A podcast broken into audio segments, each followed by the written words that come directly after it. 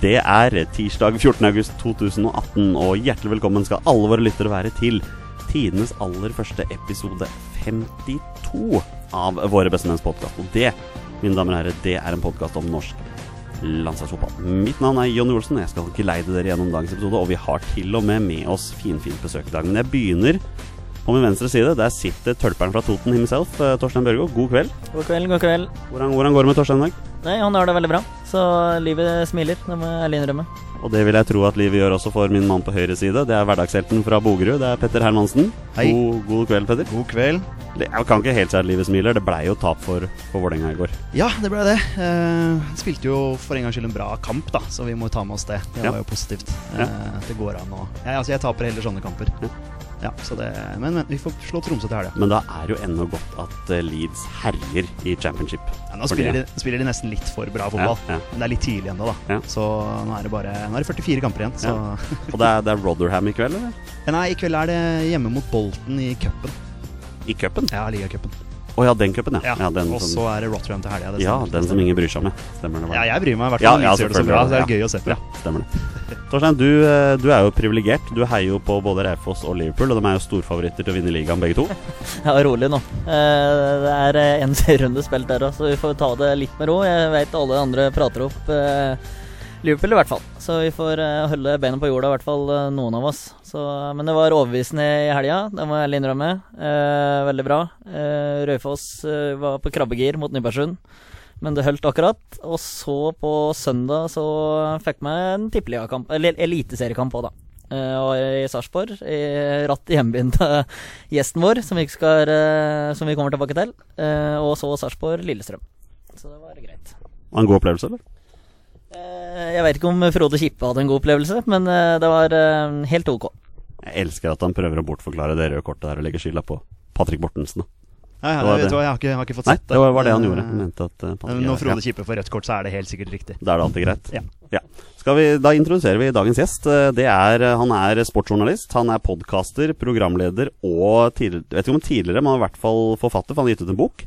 Det er Jon Martin Henriksen. Velkommen til oss, Jon Martin. Tusen takk for det. Veldig hyggelig at du tok deg tid til å, til å være med oss i dag. Ja, noe må man være Atle Antonsen sier. Livet handler om å få tida til å gå. Uh, Ja, ja. Og det er jo en fin mulighet, dette her. Ja, Så fint å høre at han setter pris på å komme hit i dag og være sammen med oss. Du, Jon Martin, hva er det, hva er det du driver med for tida? Eh, ja, det er det mange som spør om. Uh, men først og fremst så leder jeg et program her på VGTV som heter Sportsklubben. Uh, så det er vel i all hovedsak det jeg på en måte bruker arbeidslivet mitt på. Og så er jeg med da i fotballpodkasten med Bernt Hulsker.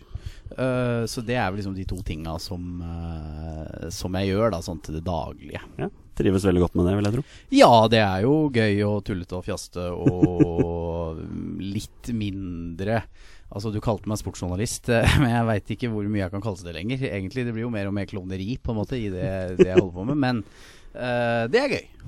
Trives med det, da. Ja, absolutt. Ja, så bra. Hvordan har fotballhelga di vært, da? Uh, den har vært eh, britisk. Jeg var, i, eh, jeg var i Manchester og så Manchester United Leicester Ja. på, på fredag. Mm. Uh, så det var jo all hovedsak det som tok, tok fokuset der. Sola skinte til en forandring. Uh, Mourinho jubla, så jeg på et tidspunkt. Så det var jo Det var for så vidt ganske ålreit. Det høres jo helt fantastisk ut. Alt må ha vært knallbra. Ja, det var fint. Ja, ja. Det var fint. Og så seier ble det. Ja da. alt Så problem. alt som uh, skulle gå riktig, gikk for så vidt riktig. Så da, da kan man ikke klage. Nei, så da blir det seriegull. Nei, det tror jeg absolutt ikke. Uh, men uh, hva er det de sier? Man får ta én kamp på gangen. Ja. Du har jo tidligere vært skribent for United-supporteren. Mm. Hvordan var Hvordan var det å jobbe for de? Det var for så vidt Det var gøy det i en periode. Jeg bodde i Manchester i to år og, og jobba for de, og kom veldig tett på eh, På en av verdens største fotballklubber. Og du lærer deg jo på en måte å forstå mye bedre dynamikker da i hvordan en klubb, eh, klubb funker, og, og få lov til å være med på de siste årene også av Fergusons tid, var jo, eh, var jo veldig gøy. eh, og komme tett på spillere med intervjuavtaler, være med på sånn preseason-turneer og sånne ting, var jo veldig gøy. Eh, særlig for en periode. Eh, og så tenkte jeg etter to år at nå har jeg levd den type guttedrømmen en stund, og nå vil jeg gjøre noe annet. Og da, og da gjorde jeg det. Var det da du fant ut var, det- var det rett etter at du hadde gitt dette famøse trofeet til Nemanja Vidic? ja, det var faktisk en av mine første arbeidsoppgaver. Det var det, ja. ja. Uh, da jeg ble utsendt med et sånn forferdelig vikingskip. uh, og jeg var veldig tjukk på den tida. uh, og hadde følt at jeg hadde pynta meg med en eller annen sånn V-halsgenser og noe skjortekrage som var limt inn i den, i den genseren. Og måtte liksom med et slags engangskamera ta bilde med Nemanja Vidic som fikk et sånt trofé. Det var jo jævlig nedrig, liksom. Ja. Uh, men han tok det imot, og kasta det sikkert i søpla da han gikk inn uh, ut av døra etterpå. Men ja, jeg har overrakt et trofé til, ja. til serberen, og det var for så vidt eh, Jeg tror han syns det var like rart som jeg syns det. Uh, men for all del. De, har fort, de holder fortsatt på med det. Ja. Uh, og jeg var gjest i en eller annen sånn eh, United NO TV i fjor, og da sa jeg det at nå må dere få bedre premier, men det klippa de bort, la jeg merke til. Så da okay. fortsetter de nok med den. Ja. Da Hvorfor Ja. endre på noe som funker? Og du har, jo, du har jo fortalt om denne episoden i mange podkaster tidligere også, så vi skal ikke grave for mye i det. Nei da, men det, det var eh, Hva skal han si? Nei, det var så rart at jeg Men jeg syns ikke det var så rart da som jeg syns nå, på en måte. Det er Nei. på en måte når man på en måte skjønner etter hvert hva det der var. Uh, så det blir litt sånn som at Mark Hughes uh, uh, var med United i Sverige og fikk sveiseapparat i premie som banens beste. Altså det blir sånn Hva skal jeg med det? Ja. Eh, og det følte jeg litt var det jeg delte ut. Ja. Det var, det var en god start, Petter. Hva skal vi, skal vi begynne å prate litt landslagsball nå? Ja, vi må nesten gjøre det, altså. Ja, men da gjør vi det. Solskjær, og det er utligning! Det er utligning! Takk, Ole Gunnar Solskjær! 37 minutter! All right, vi, vi bare durer videre på. Tenkte vi skulle prate litt om uh, dagens landslag. Vi må jo snakke om det òg. Det er tross alt en landslagspodkast, dette her. Um, Jon Martin, hva, er- hva er ditt forhold til dagens landslag? Mm, Det er jo at eh, som fotballinteressert eh, nordmann at man er opptatt av at Norge skal gjøre det bra. Selvfølgelig. Eh, men det har jo etter hvert sånn først og fremst blitt et sånn arbeidsforhold, og det er det jo. Eh, noe man jobber tett med. Det blir, du får en annen distanse til det. Eh, men eh, det er jo mange som tror at de som jobber med landslaget, egentlig syns det er veldig gøy når det går dårlig. Ja. men etter å ha vært Når du liksom har reist Europa rundt med et landslag, så er det ikke noe gøy at det går dårlig. Nei, jeg skjønner det. Altså, altså det, det er så utrolig mye enklere å jobbe med ting når det liksom flyter. Ja. Eh, og det har jeg aldri opplevd, eh, dessverre. Men eh, så fra et sånn jobbperspektiv har det vært veldig tett. Og så uh, syns jeg det er veldig gøy å se nå at uh, det omsider ser ut til å svinge litt mer, og det, det er jo veldig hyggelig. Ja, Hva tenker du om, eh, hva tenker du om Nations League, som, eh, som Jeg nå? skjønner fortsatt ikke hva det er, jeg. Nei, du gjør ikke det? Nei. Nei, eh, jeg har prøvd eh, Det er flere som har prøvd å forklare meg dette her. Eh, eh, men jeg har jo skjønt såpass at det gir jo flere tellende kamper. Altså flere viktige kamper for Norge, og du slipper de der kampene Jeg var på Ullevål og så den mot Panama, og det var helt jævlig. Ja, Altså, det det syns jeg, var- det synes jeg var helt forferdelig å sitte og se på. Og, ikke, og det var ikke, var ikke først og fremst Norge, altså. Det var bare at ramma var grusom, Panama var helt forferdelige. Mm. Uh, og det er jo matcher som på en måte ikke betyr en dritt. Uh, og jeg tror heller at, uh, at det er begrensa hvor mye bedre du blir som et A-landslag og av sånne type matcher. Så jeg håper med Nations League, da uh, Glem litt at det er en, enda en vei inn til et mesterskap. Ja. Så tror jeg det vil gi Norge nødvendig matching til å uh, utvikle seg, da. Og, Ja. det, og det trengs jo. Jeg er helt enig. Uh, Torstein, du, du har også vært litt forvirra rundt dette med Nations League og hvordan det egentlig handler om. Men er, er du, har du fått mer med deg nå, hvordan opplegget fungerer? Nei. Eh, det, er litt som John Martin sier, at det er flere som har prøvd, deriblant deg og Petter. Og det er flere andre som har prøvd òg. Jeg veit at det er noen slags form for gruppespill og det der. Eh, Men noe særlig mer enn det, så det veit jeg ikke. Men det er litt eh, det som Jon Martin igjen sier, det med at det er litt mer tellende kamper. Eh, Det, altså det betyr litt mer, da. Og det er vel eh, derfor vi kommer til å dra på matcha som er nå. At det, at det bruser litt mer da når du går inn på landskamp. At du Dere har lyst til å drikke øl hver eneste ja, det, Ja, du og jeg, Petter, vi vet jo heldigvis hva Nations League går ut på, gjør vi ikke det? Ja, altså som basics. Altså, det, det handler om å vinne fotballkamper. Oh, ja, det- Eh, ja, det gjør det, ja. er jo, Ja. Og nå er det enda viktigere. Det er liksom enn det viktigste Ja, med det hele. Ja, ja, absolutt. Det er i bunn og grunn. Eh, Vi trenger ikke å tenke så veldig mye mer enn det. Nei, eh, egentlig. det. Eh, Men tror du Jon Martin at Nations League kan, kan være med på å på en måte skape entusiasme blant det norske folk? Tror du flere folk drar på Ullevål for å se på Nations League? Kanskje ved at de er sånn som meg, at de egentlig ikke helt har skjønt konseptet. At de tror at ved at man vinner noen matcher her, så er man i EM, liksom. Uh, for eksempel. Uh, det kan jo være. Uh, men litt mer seriøst, da, så er det jo mer Det er jo tellende match. Al mm. altså, det er, jo, det er, jo, en mulig vei inn. Mm. Og forhåpentligvis kan det være det, men jeg har også skjønt at sjansen for å gå til et mesterskap via Nations League ikke er sånn enormt svær. Han er ikke svær, nei. Eh, så man må jo ha det i mente. Men ja, det er jo gøyere å gå på Ullevål med flomlys når man veit at oi, man kan faktisk.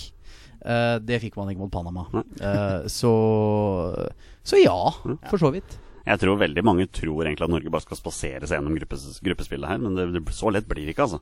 Det er noen tøffe matcher. Ja, altså vi skal vel ha grei sjanse mot alle sammen. Det må vi, Sjans skal vi, vi må jo ha såpass tro på laget vårt. Uh, men Bulgaria f.eks. kan det ja. bli tøff nok, det. Ja, Slovenia er ikke noe kasteball? Nei, absolutt Nei. ikke. Jeg tror nok Kypros eh, skal vi klare. Det blir en kasteball. over to matcher. Ja, det, det, det tror jeg blir en kasteball.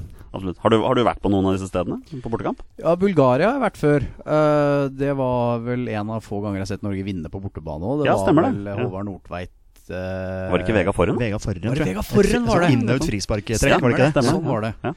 Uh, Gøy kjedelig fotballkamp, men vi vant 1-0. Ja, uh, nei, det var fint vær og det var ikke noen kjempeby, syns jeg Sofia var. Uh, men jeg husker at vi gikk ut og, og, spiste middag dagen før kamp og tok et par øl.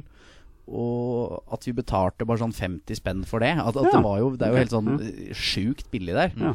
Uh, så det er jo alltid hyggelig, for det har jeg jo lært også gjennom egne fotballturer på privaten. At det er samme hvor du er. Du drikker, jo, drikker og spiser jo like mye uansett. Ja. Uh, men det er sluttsummen på kassalappen som teller, og det uh, Den er veldig fin der, sånn sett.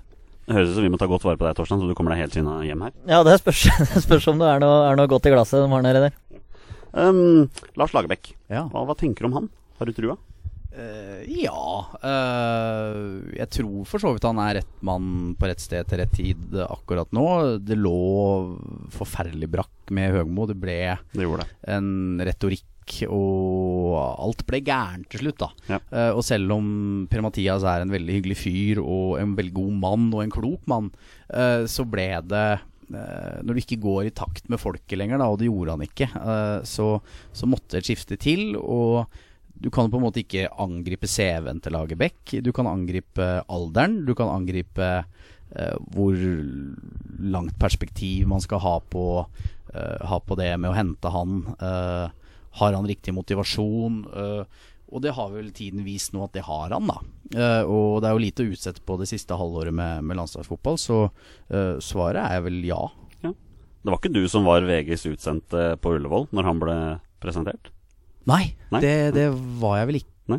Nei? Nei, jeg satt her i studio, tror jeg faktisk at jeg gjorde. Ja, for jeg husker, husker du og jeg, Petter, vi satt og kommuniserte, for vi så jo den uh, begge to. Det var ingen som visste hvem som skulle bli ansatt. Det var, sånn, hvordan ja, det var veldig spennende. Hemmelighetskremmeri det var for å få han inn der. Ja. Det var vel da det til og med var snakk om at Leif Gunnar Smerud var den som skulle ta over. Ja, det var mye, mye rykter. Uh, men uh, jeg håpa på Lagerbäck, og det ble Lagerbäck. Ja, du håpa på Lagerbäck. Jeg håpa på Bob Bradley. Du på ser, så hvordan det gikk. Ja. Så det, nei, men jeg, jeg har trua på Lagerbäck, altså. Jeg tror, jeg tror det er rett mann nå. Trenger det, så ja, og så er jo Lagerbäck en som det er enkel å forholde seg til. Uh, han sier ting litt mer sånn som det er. Det ble ja. for mye svada med Høgmo der på slutten, så til slutt så skjønte vi ingenting av hva han snakka om. Lagerbäck sier ting veldig, veldig, enkelt og greit, så selv de som ikke er interessert i fotball, forstår hva han mener. Og det er jo ikke akkurat Han finner jo ikke opp kruttet med spillstilmessig heller. Det er jo 4-4-2 plane, og mm. ballen skal fram, liksom. Så, men kanskje er det Norge trenger nå, da? Ja, og folk det veit Drillo og alle som så det i første periode ansatt. Folk driter i hvordan Norge spiller så lenge man vinner fotballkamper. Ja, du sitter i rom med tre stykker som tenker akkurat det samme. ja, ja, ja. Og, men så kan man ta den, da. Skal uh, utvikle dette norsk fotball. Uh, men jeg tenker først og fremst at det er ikke der som er det som er arenaen for, uh, for hvordan Norge skal spille og norske fotballspillere skal utvikles. Det er profesjonelle gutter som er vant til å ha ulike managere rundt omkring med ulike tilnærminger til spill og sånn, så det har jeg egentlig ganske få problemer med. Altså. Ja. Men samtidig så er det jo en del unggutter nå som begynner å spille seg til fast plass. Kristoffer Ayer, Sander Berge, men de er jo der fordi de er gode nok. Ja, absolutt. Og så, så, tenker jeg også det at hovedutviklinga skal skje i klubbene. da ja, Så skal jo Lagerbäck ta ut de som passer best til hans system og hans måte å spille fotball på. Ja. Eh, og det, nå ser det ut som han har funnet sin stamme. da eh, Det blir nok ikke mye utskiftninger nå. Nei. Um, vi skal gå videre og snakke litt om um, ditt arbeid på bortekampene. Men vi må ta ett spørsmål til først, og det er sist. Og det er det vi snakket om i forrige podkast. Um, billettprisene på norske landskamper. Hva, hva, tenker du om de, Jon Martin? Jeg så det vel var 500 kroner, var det ikke det? Mot, og det dyreste, altså? Ja, 500 det dyreste mot, ja. uh, mot Kypros. Uh, nei, det er klart det er dyrt. Uh, og det er to sider her. NFF vil tjene penger. De er en bedrift. en bedrift som faktisk går forsvinnende godt, med tanke på hvor, hvor dårlig landslaget har vært over, over mange år. Faktisk. men ja, jeg syns det er jo synd at for liksom, vanlige folk som skal ta med seg uh, døtre, døtre, og sønner og hele familien for å gå på match, at det skal koste veldig mye penger. Jeg husker eh, intervjua Tariq Elonussi for en god del år siden. Det var et lignende tilfelle som man syntes det var altfor dyrt å gå til Norge. Vi er ikke gode nok no. til å ha disse billettprisene. Eh, og de burde jo heller hatt Det er jo morsommere med et fullt Ullevål og lavere priser enn massevis av tomme seter og dyre billetter. Så jeg hadde vel senka de noe, ja. Og så er det jo slik at kampen også spilles kvart på ni. Var det ikke sånn vi på fant en torsdag. På en torsdag, ja. så det er jo ikke akkurat lett så å få med Du får ikke med deg alle, nei. nei. Altså, Barnefamilier og sånn, de prioriterer vel sofaen. Ja, det er vel noe med det. Torstein, i forrige podkast så tror jeg du sa sånn 14 ganger at landslaget er middelmådig, eller noe sånt. Står du, står du fortsatt det, eller? Ja, definitivt. Eh, men, det er, jo, det er jo det for å unngå å gjenta meg sjøl altfor ofte denne gangen. Eh, men det var jo, ja, alt der som vi prater på, at det er ikke det at vi ikke har råd til eller tar oss råd til men det er litt uh, som, vi, som Jon Martin igjen sier, at uh, det er Hvis du skal ha med deg familien din, da, så blir det fort 2500 for at du skal dra på Norge-Kypros. Og Norge-Kypros, det river ikke skinnet av pølsa, altså. Så det er uh, Det kan hende at det er noen som faktisk da Sier dere det på Toten? Ja, gjør det. Ja. Hva vil det si, egentlig? Liksom, hva jeg vil ikke vite nei, hva det betyr. Jeg, jeg, jeg, jeg, tror vi kan bare kan la det, la det ligge, så kan okay, dere tenke, og så mm. lar vi det bare være. Ja, det er aldersgrense på den podkasten. Jeg, tror skal... jeg tror vi må sette på sånn der, ja, E, eller hva det er for noe på podkasten. Ja, sånn, sånn explicit lyrics eller et eller annet sånt. takk for den, Torstein. Det var veldig hyggelig at du bidrar der. Skal vi, skal vi, prate litt om dette arbeidet hans med borteturen, da? Ja, la oss gjøre det. Da gjør vi det. Og det skal være mål! Og det er mål! Og det er Egil Østenstad som skårer igjen. Og det er 4-2. Norge har skåret fire mål på Brasil. Da har vi kommet til den bolken som jeg har sett veldig fram til her. For vi har jo med oss Jon Martin som Jeg vil påstå Martin, at du er blitt en relativt dreven mann i forhold til det å følge landslaget på bortekamper. Ja, det har blitt noen turer etter hvert. Ja. Uh, og det er gøy, det. Jeg liker mm. å dra på tur og liker å se på fotball, så da er det jo en fantastisk kombinasjon. Ja. Hvor mange, vet du hvor mange landskamper du har dekket på bortebane? Jeg har ikke peiling. Uh, jeg fører ikke statistikk på sånt. Jeg mm. vet det er en del som gjør det. Uh, det er andre her på VG-huset som, som, har veldig kontroll på det. Men jeg tipper det er en sånn Jeg aner ikke alle matcher, men jeg tipper det er en sånn 15-16-17 land, da. Eller sånn ja, rundt med, med Norge. Uh, og noen av de har det jo blitt flere av. Deriblant to til Aserbajdsjan. Det jeg sa til meg sjøl den første gangen uh, vi var i Baku at hit skal jeg faen ikke igjen. Uh, vi men, får et spørsmål om det litt senere ja, her. Kan, nå er jeg spent på hva Baku har å by på av spørsmål. Men uh, nei da, det er veldig gøy, og ja. vi er jo en gjeng. Altså Uh, ikke bare folk i VG, men det er jo hyggelige folk som, um, som er fra andre mediehus òg. Og det er veldig mange som går igjen. At ja. Vi er jo ofte ganske faste, vi som, som, reiser rundt med det. Så det er jo veldig hyggelig sånn sosialt òg. Ja. Hva slags um, Hvor store forberedelser gjør man som journalist før en bortekamp? Har jo litt ulike perspektiver, da. Altså de som på en måte skal skrive de store, tunge, enten nyhetene eller reportasjene og sånn, gjør jo uh, sine typer forberedelser. Mens jeg gjør jo med mine i form av mer underholdningsperspektiv. Altså uh, finne de uh, artige Det høres jo utrolig teit ut å finne de artige klippa, f.eks., og ta med på en tur. Aktualisere spilleren i, i videoform, da.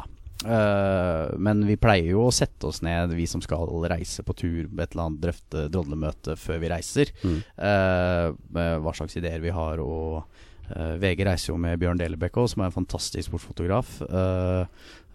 som også har Når du har med han, da, så gjør det ofte veldig mye enklere å komme til gode saker òg. For du kan ikke skylde på, skylde på bildet når du har, har, med, har med, Bjørn på Hva er det som gjør at Bjørn Delebekk er så populær som sportsfotograf? Det mest fascinerende med han er at han bare har ett øye.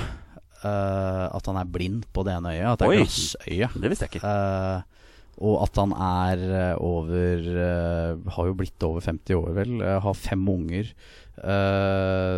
reiser nå inn i helsike. Han har flyskrekk i tillegg, med 200 reisedøgn i året. og er så sulten, da. Han er så gira på å ta det beste bildet hver gang.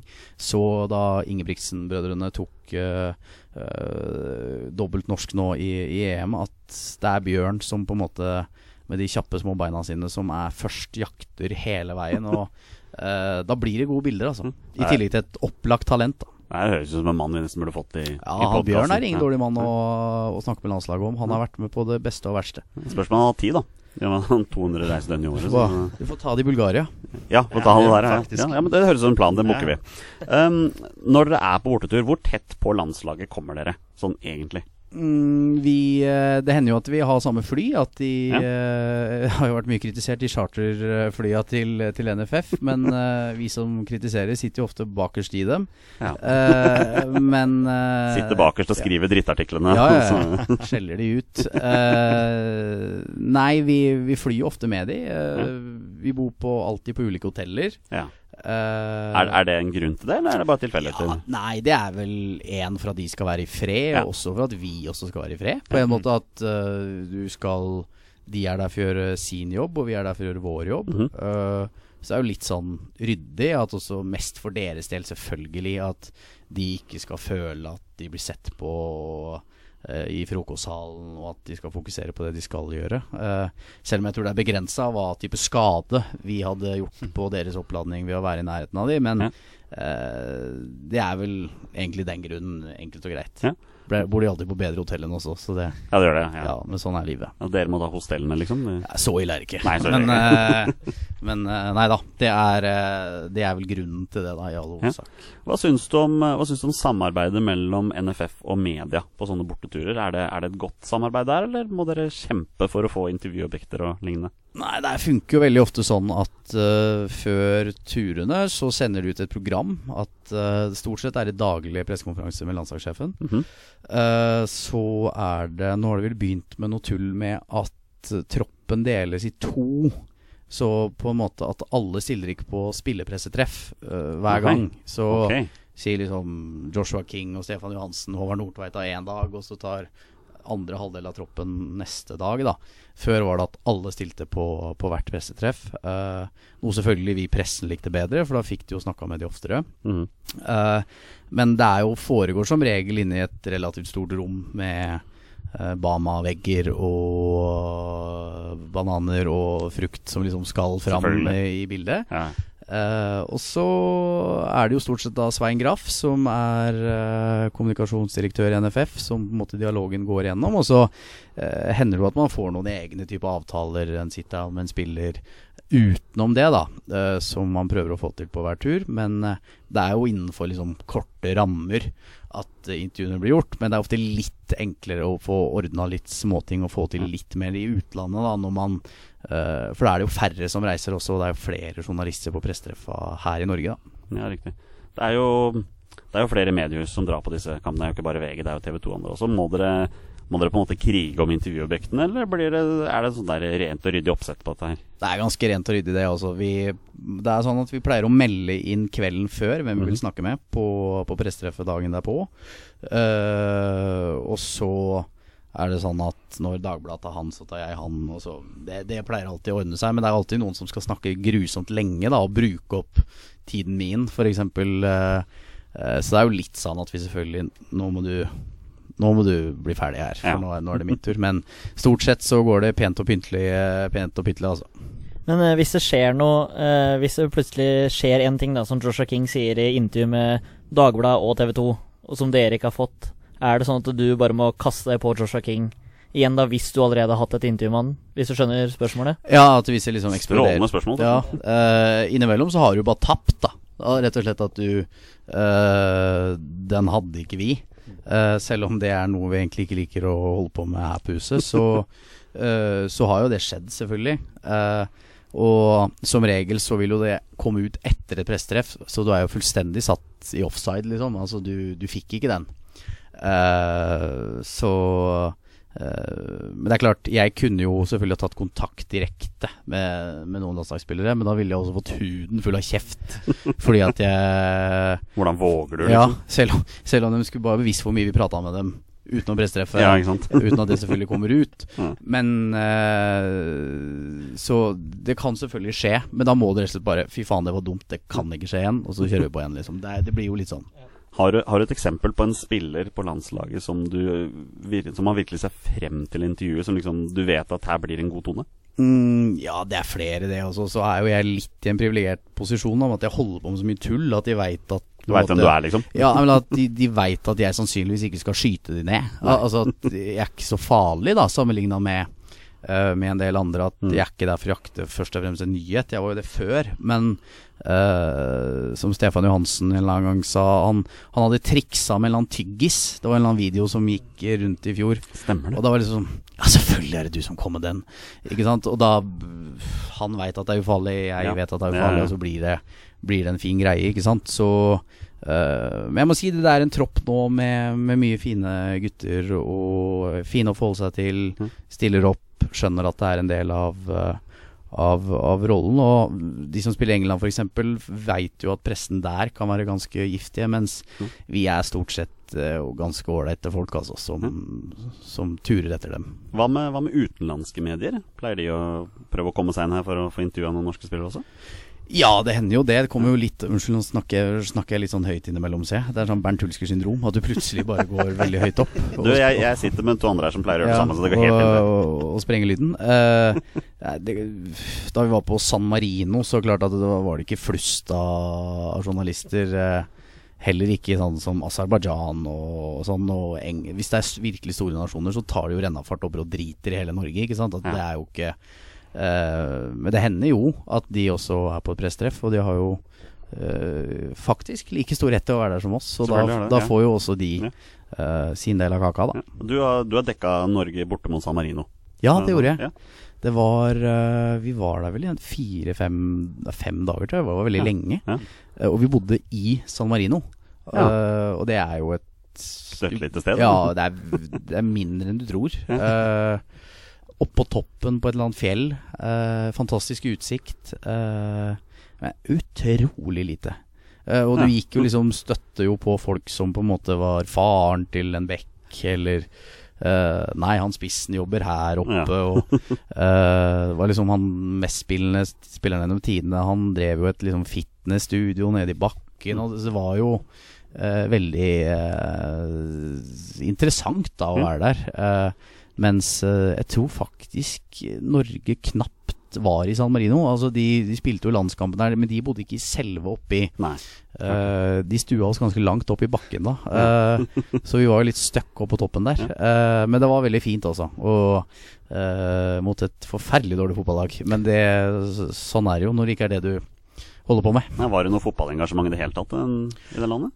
Nei, det var Det var stille, altså. Det var jo matchen og var Det var en del skoleunger og sånn på tribunen. Eh, det var som å være på en norsk treningskamp på La Manga. Ja, Eh, det var såpass, ja. ikke Men at det var nasjonalsanger først. Ja.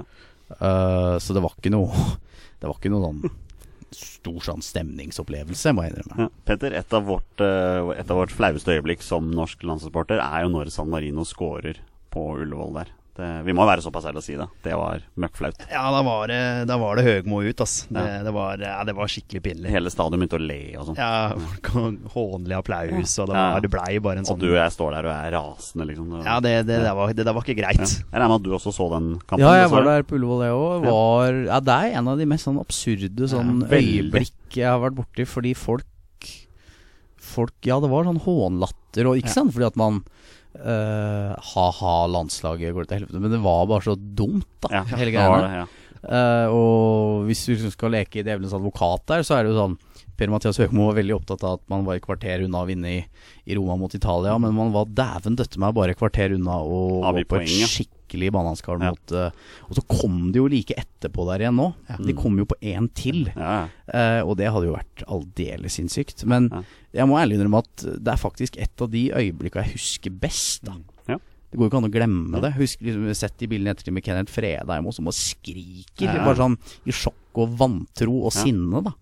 Eh, Så Nei, det var veldig spesielt. Eller din venn Bernt Hulsker, da, som skrur av lyset i studio. Han skrudde av lyset og gikk såkalt viralt. Ja. Og, uh, men det var jo et veldig godt øyeblikk, da. Ja. Det må, Ja, ja, jeg, må jeg faktisk si. Uh, og som bare Bernt Uh, En av få som faktisk kan finne på å gjøre det. Snakker om viralt, da var det San Marinos Twitter-konto det som eksploderte der når de skårte mål. Ja, de endelig hadde skåret første målet sitt siden sånt, ja. tidenes morgen. Så Vil var, du si at det er ditt, ditt verste minne med landslaget? Kanskje litt flere å det er velge mye mellom. å ta av, da. Eh, Det er jo dessverre det. Men, men la oss si på bortetur, da, for du har dekket en del borteturer. Hva er, det, hva er ditt beste og verste minne? Har jo knapt vunnet, ikke sant, Nei. på, Mm. på bortebane. Det er ja, slo San Marino. Slo San Marino, øh, slo Malta Det var der. Det var, Ja. Men det er jo liksom ingen sånne storfisker, ikke sant? Ja, der var vi òg, på Malta. Eh, det var jo hele alle utenlandske spillselskaper òg, for det var jo mer sånn Ja. Betson-match. Ja, stemmer med det, det var der, hadde oransje drakter på seg. Og Jon Arne. Riise og sånn. ja, ja. Stemmer det. Uh, jeg hvilke Jeg syns det var ganske gøy den gangen Norge vant i Aserbajdsjan første gangen. Ja. Eh, det var Håvard Nordtveit. Ja, Eh, det stemmer. Grunnen til at jeg husker det så godt, var jo at de hadde malt gress, Gresset grønt, grønt. Altså de hadde spraylakkert. Eh, og Norge spilte jo i hvite drakter. Ja, ja. Og husker jeg Mats Møller Dæhlie kom i mixzone etterpå uh, med eh, liksom, Han var bare grønn. Ja. uh, og så kom vi ut på fly Vi skulle fly rett hjem etter kampen. Uh, det Ja. gjør man innimellom. En jævlig hjemreise for øvrig. Vi fløy Og det er jo så tidsforskjell, for han er jo diktatoren i Aserbajdsjan. Han fant ut at han Han, var ikke, syntes ikke det var Han skulle vise at han var sjef for faktisk lage sin egen tidssone. Så de har nå en egen tidssone. Eh, som er noe sånn en tre timers forskjell fra her. Ja, uh. Eh, så vi fløy sånn 12-1 om natta. Uh, vi skulle mellomlande i Frankfurt. Det gjorde landslaget òg. Husker Per-Mathias Høgmo satt på et midtsete helt bakerst i flyet. Og så mellomlande i Frankfurt i sånn fem-seks timer. Hvor det da plutselig var sånn ni-ti om morgenen. Eh, og der skulle vi sitte drita lenge. Og ja, altså alle var bare fullstendig ødelagte. Ja. Men grunnen til at vi skulle mellomlande der, var at Norge hadde så mye Tyskland-proffer. da At Ja, det var sånn enkelt uh, for folk å uh, Flytte seg rundt, liksom. ja, men det var så lugubert sted. Det var utenfor byen. skikkelig sånn shady område før den fikk det nye stadion som Norge spilte på sist de var der. Og folk satt på prester. Det var ikke noe mat, det var knapt toaletter der, det var ikke noe kaffe. Det var, det var liksom, liksom ingenting da det var en sånn journalist ved siden av ham som røyka og spiste fuglefrø. uh, så det var liksom sånn Det var veldig rare greier, da. Uh, men, men Norge vant. Ja, Det var det beste. Det var det beste, Eh, ja. Skjønner du? ja, ja. Uh, at det var høydepunktet. Uh, nei, den i Sofia òg var jo ganske fin. Det Mm. var en dårlig match. Uh, Malta var jo solid, men det var fint for så vidt å være på San Marino med med Lars Lagerbäck òg, og det ble jo en solid seier et, etter hvert. Det verste 5-1 borte mot Kroatia var jo Ja, var ganske mørkt. Og greia da var at vi hadde Høgmo ville legge treningsleir til Marbella først, og det er jo ikke så dumt, faktisk, eh, i, i mars-april.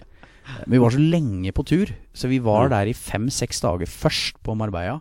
eh, Så videre til Zagreb i, eh, i en del dager der òg. Så husker jeg de hadde leid for lite fly.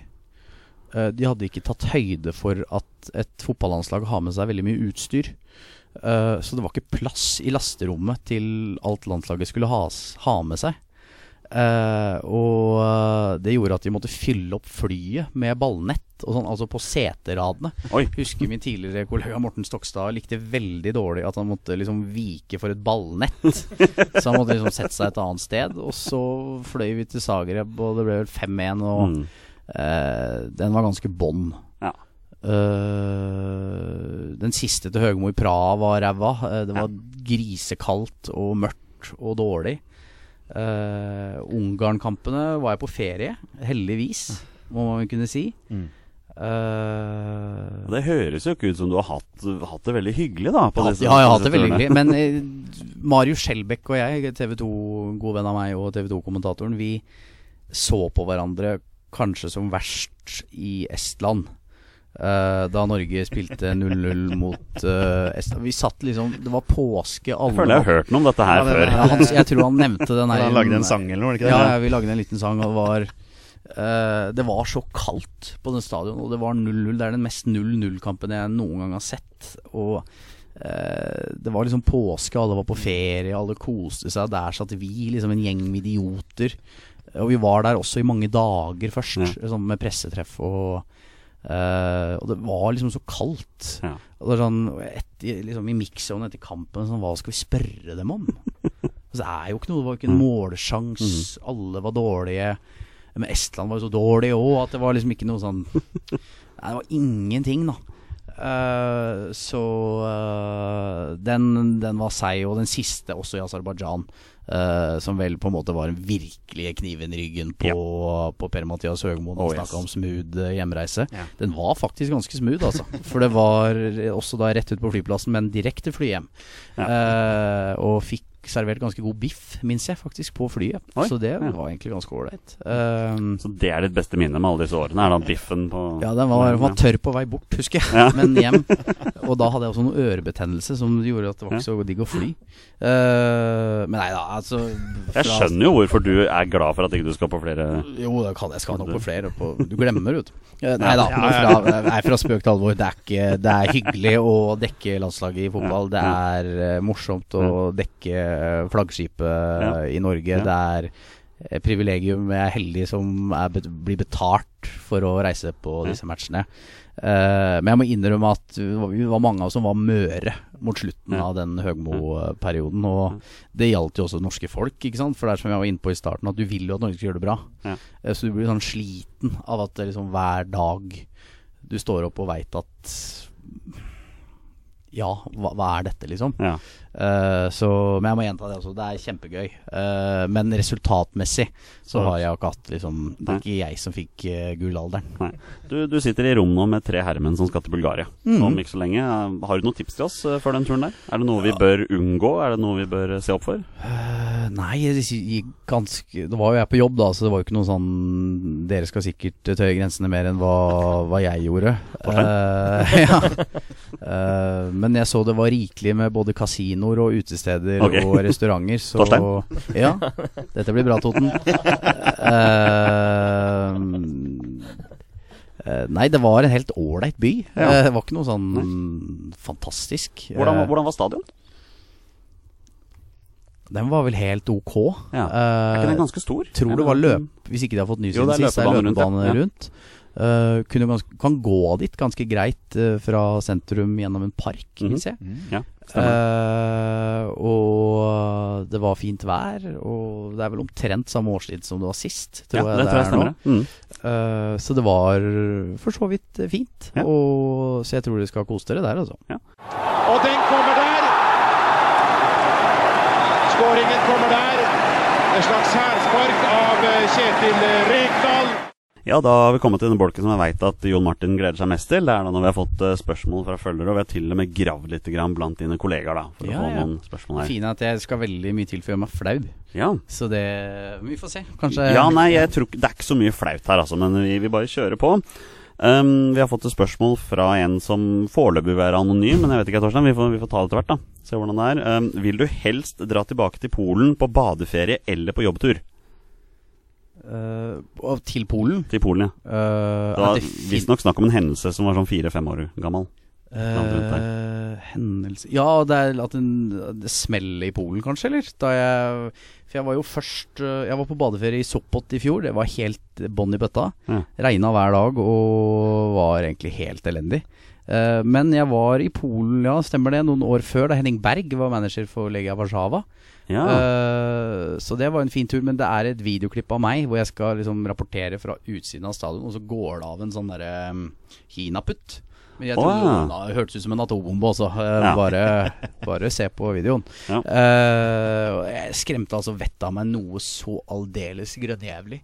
Ja. Eh, og fotograf Håvard Rønning, han eh, Han ble jo bitt i armen av en hest da vi skulle eh, lage et eller annet ute på gata der. Uh, kan det være Håvard som har spilt inn eh, et eller annet fra dette her? det kan være Det kan være Håvard. Uh, jeg veit hvor han vil. Uh, Men vil du dit? Det Nei, og egentlig så vil ikke han dit heller. Nei, ok, men da kan vi la det ligge. Så Men hva skal jeg si? Vi var eh, Hva var det vi kan si på en fin måte kan si det? Vi var unge og dumme. Ok, ja, men da, da, da lar vi den ligge. Blir jo veldig nysgjerrig her, da. Ja. Det Ja, er jo men, eh, ja, men vi, vi skal ha et godt forhold til gjestene våre her, Petter. Ja da. Det her er, her er lov å ja da. fortelle. Vi kan jo klippe det bort. Ja da. Ja, vi gjør som de gjør på landslaget, at vi snakker imellom opptakene her, da, vet du. Nå snakker du med landslagsspillere utenom intervjusona, så da snakker vi med Jon Martin utenom eh, Ja, ja, ja. Stemmer det, så du kan fortelle oss etterpå. Ja, ja, er absolutt. Ja. Um, hva synes du om Baku, og hva skal til for at du drar dit for tredje gang? Det er vel at Norge spiller her, da. Ja, det, Nei det er da, eneste grunnen. Nei, det er Baku er ræva, altså. Det er eh, Du veit de skal arrangere EM der om to år. Ja, dit drar ikke jeg. Det spilles jo overalt i Europa. Ja, det gjør det. Eh, Så da foretrekker jeg et annet sted. Ja. Det rare med Baku er jo at byen er jo oppkonstruert. Altså Du kjører fra flyplassen, en vanvittig flott flyplass. Alt er rent og pent der. Alt Ja. ser altså helt fantastisk ut mange Mm. steder. Eh, men det viser seg at det bor ingen i leilighetene. Altså de er, Det er bare skall.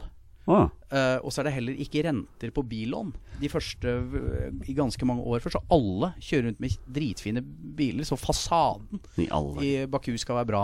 Eh, så det er i sentrum. Men da Norge spilte her første gang, så fikk vi jo se litt medaljens bakside da vi kjørte ut. Så der var det ikke fint, altså. Men Og det er et grusomt å få seg visum. Det er veldig mye styr.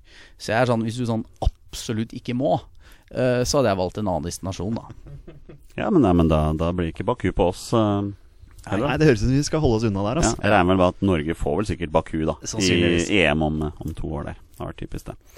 Um, hvordan var det å jobbe med Kjetil Rekdal? Ja, hva skal han si om sånt, da? Uh, Kjetil Rekdal er en fascinerende herremann. Ja. Han er uh, mer enn hva han virker, på en måte. Eh, han er enkel, men komplisert. Eh, det var veldig høgmosk å si, men eh, han er, er veldig flink. Og det har vært interessant å lære seg han å kjenne. Han er veldig glad i å prate på telefon. Han er ekstremt glad i cola. Så lenge han på en måte har en PC foran seg, et pizzastykke og en litt brus, liksom, så er det nok. Og han er ekstremt faglig dyktig, da. Eh, du lærer jo mye av Kjetil å høre på han snakke, Ja. og han snakker også med en troverdighet. Vi hadde jo en livepodkast på, på Rockefeller i fjor, og vi har hørt så mye gnål om det målet hans i Marseille, ikke sant. Vi tre andre som lager den podkasten. Mens eh, å bare se et fullt Rockefeller følge med på Kjetil Rekdal snakke om det øyeblikket. Eh, alle satt der som tente lys, liksom. Ja. du kunne høre en knappenål falle, og han har jo liksom en troverdighet, da, for han er jo en av ytterst få her til lands som på en måte kan vise til noe som helst. Ja. Og han kan jo vise til altså, det største øyeblikket av dem alle. Ja. Eh, så jeg er blitt eh, glad i Kjetil Rekdal. Du tror jo han er sur, men det er han aldri. Han er nesten ikke sur, men han har jo en sånn mutt fremtoning. Eh, men hadde du sagt til meg, jeg og Jamel Rake snakka om det for en tid tilbake, at uh, hadde du sagt til oss som små gutter at vi skulle eh, om noen år kalle Kjetil Rekdal for rekerull uh, til han rett opp i trynet, og, og det var greit. Ja. Det hadde jeg ikke sett for meg, så det har vært artig å bli kjent med, med Kjetil Rekdal. Hvor kom egentlig rekerull fra? Det var vel Hulsker det òg, Ja, som mente at den hadde blitt tung.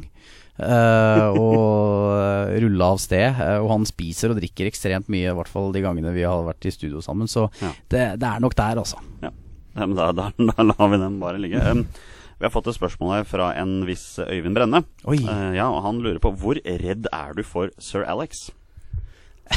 Oi! Da har Øyvind lurt på det, altså. Eh, nei, jeg er ikke så redd for, uh, for Alex Ferguson, egentlig. Men du har møtt fyren? Ja, det har jeg. Eh, og, men det er liksom noen eh, Jeg har møtt mange i jobben eh, som på en måte er store uten at det på en måte gjør noe preger meg i noen sånn stor grad. Eh, det er liksom enkelte mennesker som har en eller annen aura og uh, gjør at du på en måte puster litt før du skal møte dem, og Alex Ferguson er jo en av de. Uh, en på en måte du veit temperamentet. Du veit at det ligger der. Du Ja. vet liksom at det er ikke bare en myte at han kan på en måte ta livet av deg verbalt. Eh, så det er jo sånn med enorm respekt og sånn, men det er ikke noe gøy å må jeg ærlig innrømme, jeg har sittet på pressekonferanser og liksom fått beskjed hjemmefra at nå må du stille et spørsmål til Ja, Ferguson om ja. det og det og det. Eh, og du veit at det på en måte Det blir bråk, liksom. det kan bli det. Ja. Eller sånn, du du veit aldri hvilken fot du møtte han på, da. Uh, men jeg har både gode og Ingen sånn dårlige Ferguson-opplevelser, men Mm. uh, på en måte liksom sto i heisen med en i, i USA en gang. eh, eh, og da på en måte ut med hånda og går det bra med deg og sånn, mens andre ganger bare går rett forbi deg uten å se deg i øynene. Ikke sant? Ja. Uh, så du veit ikke, og det gjorde det spennende. Så uh, ikke så redd, ikke så redd, Øyvind. Slapp av. Jeg ser for meg Ferguson var en ganske skummel mann å håndtere. Hva tror du på det? Nei, det veit jeg veldig lite om, men uh, ja Tenk hvis du hadde møtt han i heisen. Sånn som ja, eh, Om jeg hadde turt å snakke med han? Ja. eller? Ja, det, det måtte man jo. Ja. Måtte jo grepet den muligheten der. Torstein, hadde du? Eh, Ja, jeg har faktisk møtt han, jeg òg. Litt sånn eh, på flyplassen i Manchester. Jeg hadde vært i Liverpool og sett på kamp, og så skulle vi fly fra Manchester og møtte hele United-troppen, for da skulle de til Bilbao på eh, Og blir bli rundspilt. Og blir rundspilt nedi Ja. der. Og da møtte hele United-troppen, og liksom når det kommer en, fyr bort der, bare si 'excuse me', og så er det Paul Scholes som dytter på deg, da er det liksom OK, sorry, McClurry. Da flytter jeg meg. Eh, nei, jeg sa ikke 'sorry, McClurry' til Paul Scholes. Og så i gangen etterpå så glemte jeg noe, så jeg måtte snu, og da møter jeg Ferguson. Så da skulle jeg bare ned og eh, flikke opp eh, kameraet mitt.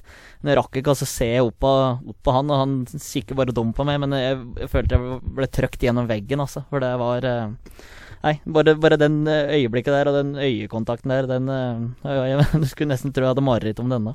Hvem var det som var manager for Atletico Bilbao da? Atletico Bilbao? På den tida der? Er det en quiz? Ja, nå lurer jeg også på. Marcelo Bielsa. Ja, ja, det er Leeds-mannen, selvfølgelig. Ja. ja, ja, fint. Der fikk du den. Det begynte bra i fjor òg. Ja, de gjorde det. det. Ja, det er bra du følger med. Du følger med. Ja, det er, det er, det er Engelsk skummelt. fotball, Det er noe med det. Men Torstein, du på 1,60 er vant til å bli skvist rundt, er du ikke det? Så, Ja. Det er korrekt. Fint, det. Da litt, litt sånn sidespørsmål der, da. Um, fått noen spørsmål fra lytterne våre her. Martin på Twitter lurer på hva er det pinligste intervjuet du har gjort noen gang? Eh, jeg tror det var i fjor en gang. Uh, ikke pil, altså. Jeg blir som sagt ikke særlig flau. Nei, det er bra. uh, men det var på en måte litt feil. Det var etter den San Marino-kampen da Norge vant veldig komfortabelt. Eh, Joshua King ble skada. Birger Meling har spilt sin første landskamp. Gjort det fint. Uh, var blid.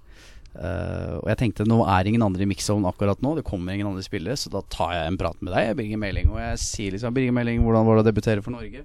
Det var gøy, sier han. Unnskyld, nå må du gå. Joshua King kommer her. Oh.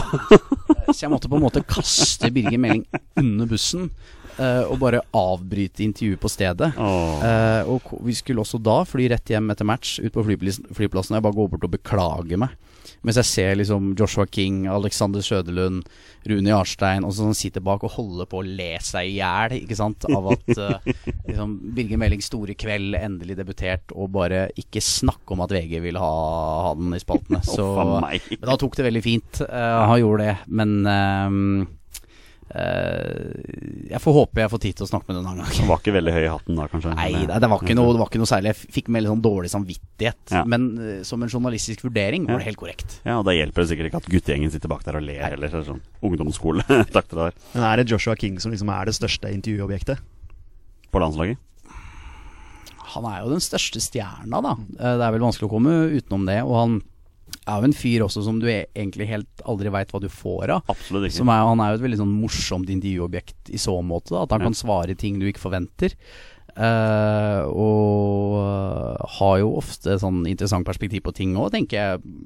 Litt unorsk i stilen, og uh, noe som jeg syns er kult, for det er jo forfriskende å, å, å snakke med folk som på en måte gir deg noe annet enn de der standardsvarene som en del har fått innøvd. Ja. Uh, så, så absolutt, Joshua King er jo en av de du på en måte må snakke med da, Ja. når du er på et, uh, et presstreff. Hvor ofte når du først er inne på det, hvor ofte caller du mens du har et intervju at denne spilleren har fått beskjed om å si det og det?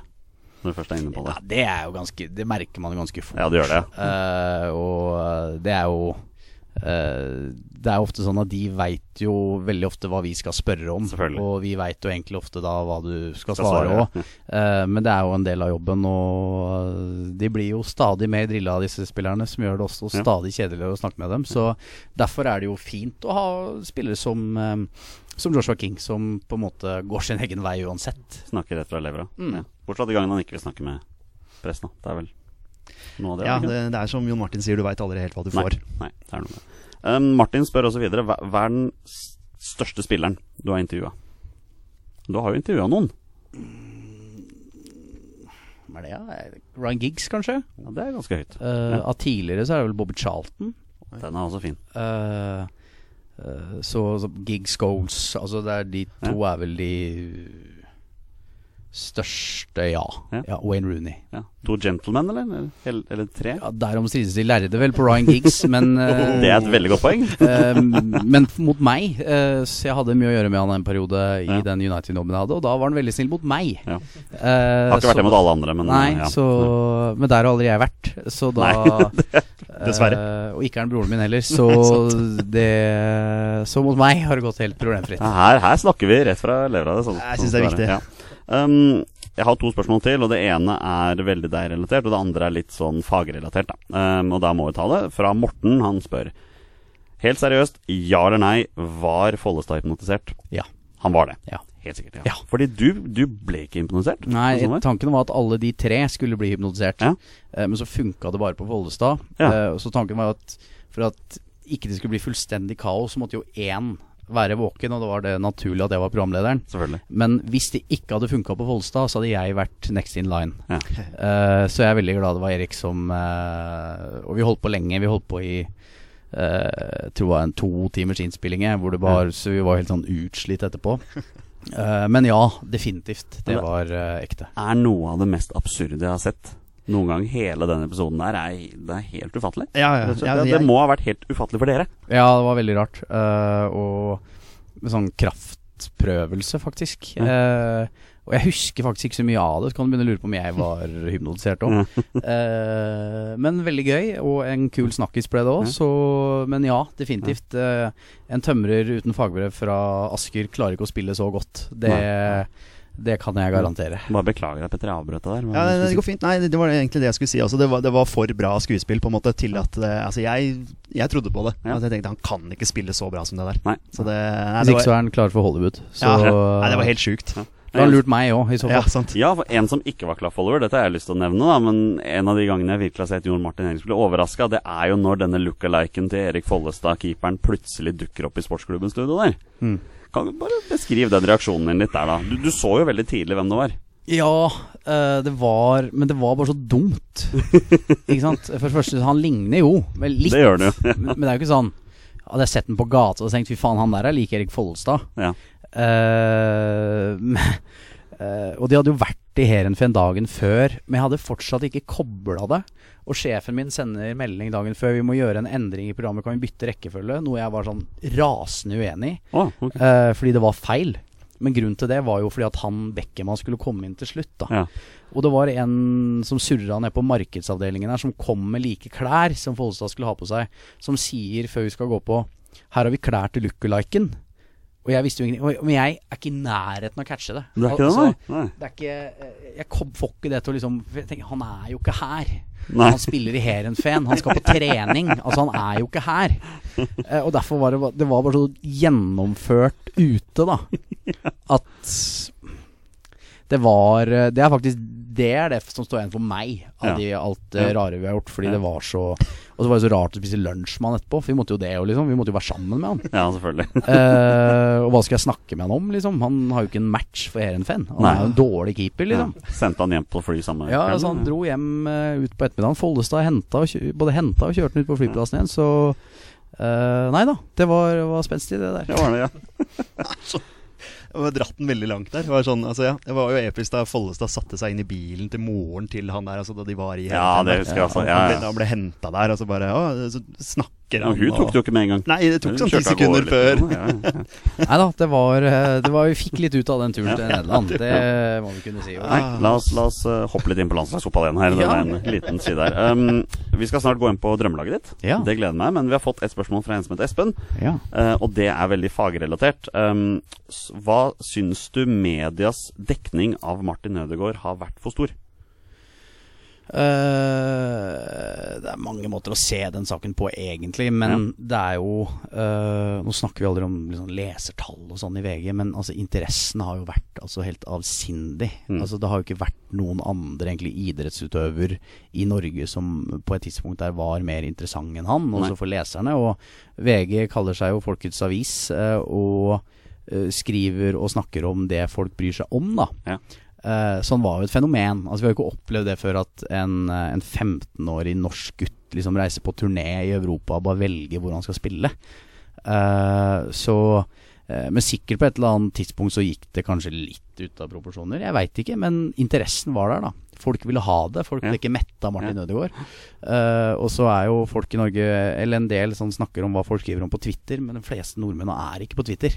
Eh, det bare noen få som er der og tror at alt de sier er det viktigste i verden. Eh, men eh, jeg føler at eh, Ja, at det ble kanskje litt rett før en overgang der, så Ja. tar det av. Men det ble det da det var slutt mellom Tone Damli og Aksel Hennie, og da blir for mye. Ja. Altså, eh, men så lenge folk vil ha det, tenker jeg, så må også alle mediehusa være på, for det var jo den største saken. Ja. Petter, du, du plukka opp et Martin Ødegaard-rykte der før, før vi dro i studio.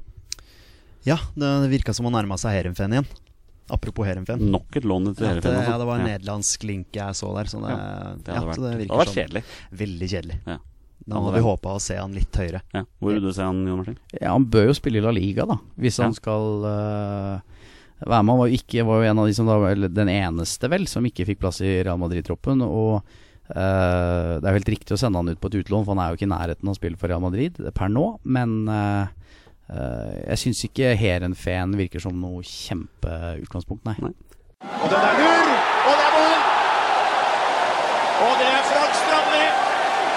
Dette har ofret seg mye for eh, laget som skårer. Da tenker jeg at vi bare hopper videre til gjestens beste menn. Og det er jo da segmentet her hvor gjesten vår um, har tatt med seg et drømmelag bestående av spillene han selv har valgt ut. Han har valgt formasjon, men eneste kriteriet er at de skal ha spilt på det på det norske landslaget. Ja, det kan jeg garantere. Det har de. Det er veldig godt å høre. Ja. uh, jeg Du- går litt motstrøms på keeperplass. Uh, det, ja? Eh, Jeg går okay. for Rune Jarstein, faktisk. For jeg syns han er uh, bra. Og den karrieren han kan vise til nå i Hertha Berlin, er imponerende. Og Absolutt. måten han faktisk har reist seg på i karrieren sin, syns jeg er interessant. Ja. Så rett og slett på ren litt sånn det må ikke nødvendigvis være de beste alltid heller. Du kan Ja. veldig lett argumentere for Torstvedt og Grodås og eh, den gjengen der, men jeg går for Rune Jarstein. Torstein, er du glad for at han ikke valgte Erik Torstvedt? ja, jeg er det. Uh, Rune Jarstein var vel mitt valg òg, så vidt jeg husker eh, rett. Så da var, um, det var noe greit. Kjempefint. So far so good, ja. Ja. Uh, jeg går for en backfirer. Henning Berg på høyre back. Jeg kjører Brede Hangeland, Ronny Johnsen og Jon Arne Riise. Det er solide greier, altså. Det er, det er en bra gjeng. Henning Berg på høyrebekk, ja. Ja, han, han kunne også det faget. absolutt. så absolutt. eh, jeg går for han der. Eh, firer på midten, faktisk. Jeg tenkte at jeg burde ha 4-5-1, men jeg droppa det. Ja. Eh, jeg har Ole Gunnar Solskjær faktisk som høyre kant. Ja, du har det, ja. ja. Jeg har Myggen. Jeg tør ikke å ta ut et norsk landslag uten å ha Kjetil Rekdal. Bare sånn av uh, husfreden. Uh, og så har jeg faktisk Morten Gams Pedersen som uh, venstre ving. ja. Uh, fordi at han kan slå noen utsøkte baller opp på Tore André Flo og Jon Carew. Ja, det er jo et kjempelag. Det er absolutt. Ja. Du har vel også skrevet bok med Solskjær? Eller om Solskjær? Ikke med, men om, Ja. Uh, og med hans velsignelse. Eh, Så det stemmer. Det var vel i 2011, tror jeg, rett Mm. Ja, før han ja. gikk til Molde. Ja. Eh, så det var gøy, det. Kjempe, altså Tore André Flo og Jon Carew på topp, det må jo være det beste spissen vi har hatt. Ja, ja definitivt. Kan ikke være noen som Nei, er, det er, ikke noe, nei, det er jo Solskjær, Flo og Carew. Ja, ja. Altså, I hvert fall i vår tid, da. Ja, det er ingen av oss som opplevde Jørgen Juve. Nei. Det var vel på 30-tallet en gang. Eller noe. Rakk ikke han. Rakk ikke han, nei. Eller han rakk ikke oss, er vel egentlig riktig. ja. Um, tida begynner Jeg vil ikke si at tida begynner å løpe for oss, men uh, temaene våre begynner å renne opp her. Det har vært veldig gøy å ha deg med, Martin, men vi har ikke lyst til å slippe deg helt ennå. Vi lurer på om du har lyst til å være med og spille en runde 20 spørsmål med oss? Det får vi til. Er du med på det, Peder? Ja, ja, selvfølgelig. Da gjør vi det.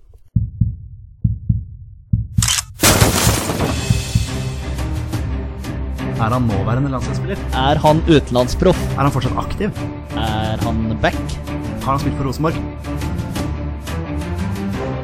Mine damer og herrer, det er nå tid for 20 spørsmål. Da er vi endelig klar for det som er Torstein Bjørgos favorittsegment. Si ja, Torstein. Ja. Nydelig. Og Petter syns dette er helt greit, eller? Ja, helt ok. Ja. Ja. Nei, Jon, da, jeg liker det veldig godt, altså. Jeg gjør det. og Jon Martin Henriksen gjør sin debut her i 20 spørsmål med oss i dag. Ja. Mm. Kan bare si det med en gang, Martin. Det er vel ennå til gode at noen av gjestene har feila. Det har klart det hver gang, så der er Det er press. Ikke Det der, press. Nei, det er ikke noe press. Nei, det er der. Her er vi sammen som et lag. Er Vi skylder på deg hvis ikke vi får det til. Helt i orden. Ja, Jeg tar den. Supert. Nydelig. Da tar vi en kjapp runde med reglene før vi går videre. Uh, Petter, Torstein og Jon Martin har da 20 ja- og nei-spørsmål på å komme fram til spilleren som jeg har funnet fram, og det er da en spiller som har minst én A-landskamp for Norge.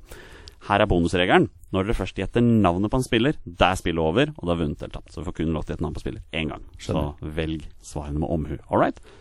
Da spiller vi 20 spørsmål, gutter. Vær så god. Vi lar vel eh, gjesten starte, da. Som så snille vi er. Spiller han fotball i dag? Nei. Der har vi den. Det er, jo- det er jo bra spørsmål. ja, det er det ja, det- ja, Det er det dere alltid starter med. Det er det vi alltid starter Ja, men det er innenfor. perfekt, det. Men vi begynner litt å lure, for eh, vi har jo hatt noen gjester før, og da har det jo vært noen spillere ifra, som gjesten har hatt noe kjennskap til.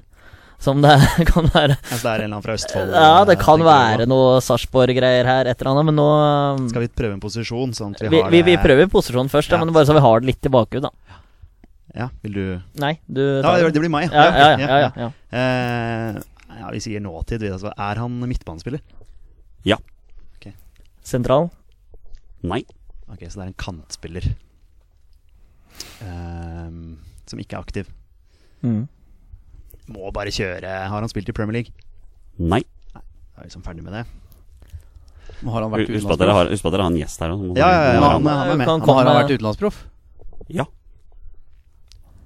En ikke-aktiv kantspiller som har vært utenlandsproff. Og ikke Premier League. Det er ikke Premier League.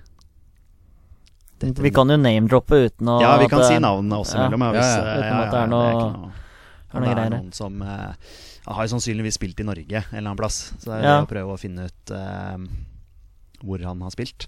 Ja, Uh, Første navn som detter ned meg, er eh, Raymond Kvisvik, men jeg vet ikke om han har vært ute av eh, landet. Altså. Jo da, Jo, han har spilt i Østerrike. Ja, ja. Ja, han var der med Torstein Helstad og Rushfeldt. Var ikke han med der? Jo, Jo. Han spilte i Ostravin. Den, er, den er fin, eh, Eh, Bjørgo. Den likte jeg. Kvisvik. Det er... Men jeg har ikke med lista, da. Men, men eh, Kvisvik er ja, ikke på Den glemmer du hver gang. Nei, jeg tror ikke vi har hatt Kvisvik før. Du kan ikke spørre om fylket, da. Ja, gjør det. Er han fra Østfold? Um, ja, det er et godt spørsmål. Jeg håper det står her. Um, ja. han er fra Han er fra Østfold. Ja. Har han spilt i Fredrikstad og Brann? Ja. Tok du den så kjapt, Virgo? Bjørgo? Det var det første navnet som var detter ned. Er Kan jeg, si, kan jeg si et spørsmål til, da? Kalles han Super-Rai? Du, det gjør han, vet du. Da kan du få ta Hvor mange spørsmål har du brukt? Åtte. Hva er rekorden? Nei, den er vel sju, ja. Ah, Ja, fader ja, òg. Men eh, vi lar gjesten få eh, stille det magiske spørsmålet, tror jeg. Er han, uh, er han pubeier på Greåker i Sarpsborg i dag? Det regner jeg med at du vet bedre enn meg, så jeg sier ja på det. Ja. Du vil bare bruke opp Ja. spørsmålet? Boikotter han VG? Det vet jeg heller ikke, men det kan hende han gjør, så vi sier ja på det. Yes. Er han glad i trav? Eh, Det er han. Det er elleve. Er det Ja. Raymond Kvisvik? Det er Raymond Kvisvik, det er klart det er det. Hvordan i alle dager kom du på den så fort?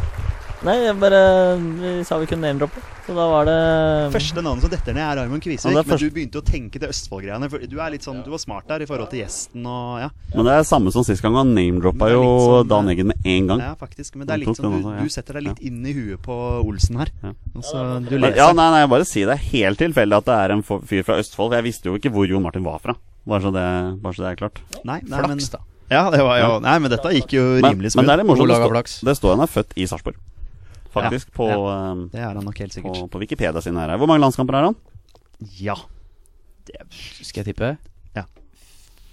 Fire. Han har Han har elleve, Elleve, ja. faktisk. ja Han er 11. Ja. Elleve landskap. Hadde han noen mål, eller? Han hadde to, faktisk. To skåringer. Ja, ja. Det var på en sånn kaffetur til Thailand. Det var var noen av de Han fikk flesteparten av kampene på det. Ja, Ja. ja. det var det Han debuterte faktisk helt tilbake i Nei, 2000. men det er mange av de der. Så det er noe med det. Ja, nei, men da tok dere den, da. Ja, det det gikk jo ja. Ja, gikk jo kjapt. Trodde jeg skulle ta den vanskelig nå, men jeg, jeg, jeg skjønner at jeg må slutte å ha mobilen ved siden av Torstein Bjørgo når vi, når vi spiller Ja, dette ja her, da. han, Eh, han, han kikka litt, ja. Det var skikkelig det. Jon Martin Henriksen, tusen hjertelig takk for at du kom. Bare hyggelig at dere ville komme hit. Ja, Det er vel heller det som er riktig. Ja, Tusen takk for at du sa ja, så vi kunne komme hit. Det Bare hyggelig. Det var en glede. Håper du har hatt det bra. Det har jeg Ja. veldig. Kjempebra. Og da gir vi Jon Martin ansvaret med å skaffe oss Bjørn Delebekk i Bulgaria. Det går vi Jeg, tror meg utenom Bjørn jobber så mye, men vi, kan, vi Ja. prøver. Vi prøver. vi gjør et forsøk på det. Petter, har du hatt det bra? Altså, jeg koser meg alltid når vi spiller inn, jeg. Ja. Torstein, det ble lite lyd fra i dag fordi vi måtte dele mikrofon, men jeg håper du har klart deg bra. Det du sa var ikke bra med den pølsa. Ja, det er vel det som på en måte Der legger du lista, og da Ja. Derfor ikke jeg har fått prate så veldig mye. Nei, men det går bra. Ja, ja, vi, vi kan godt bruke det som unnskyldning. Det er derfor han ikke sa så mye i dag. Beklager hvis noen følte seg stytt av det. Takk for at dere hørte på. Vi er våre beste menn. Heia Norge. Hei, Norge. Hei, Norge. Og hei!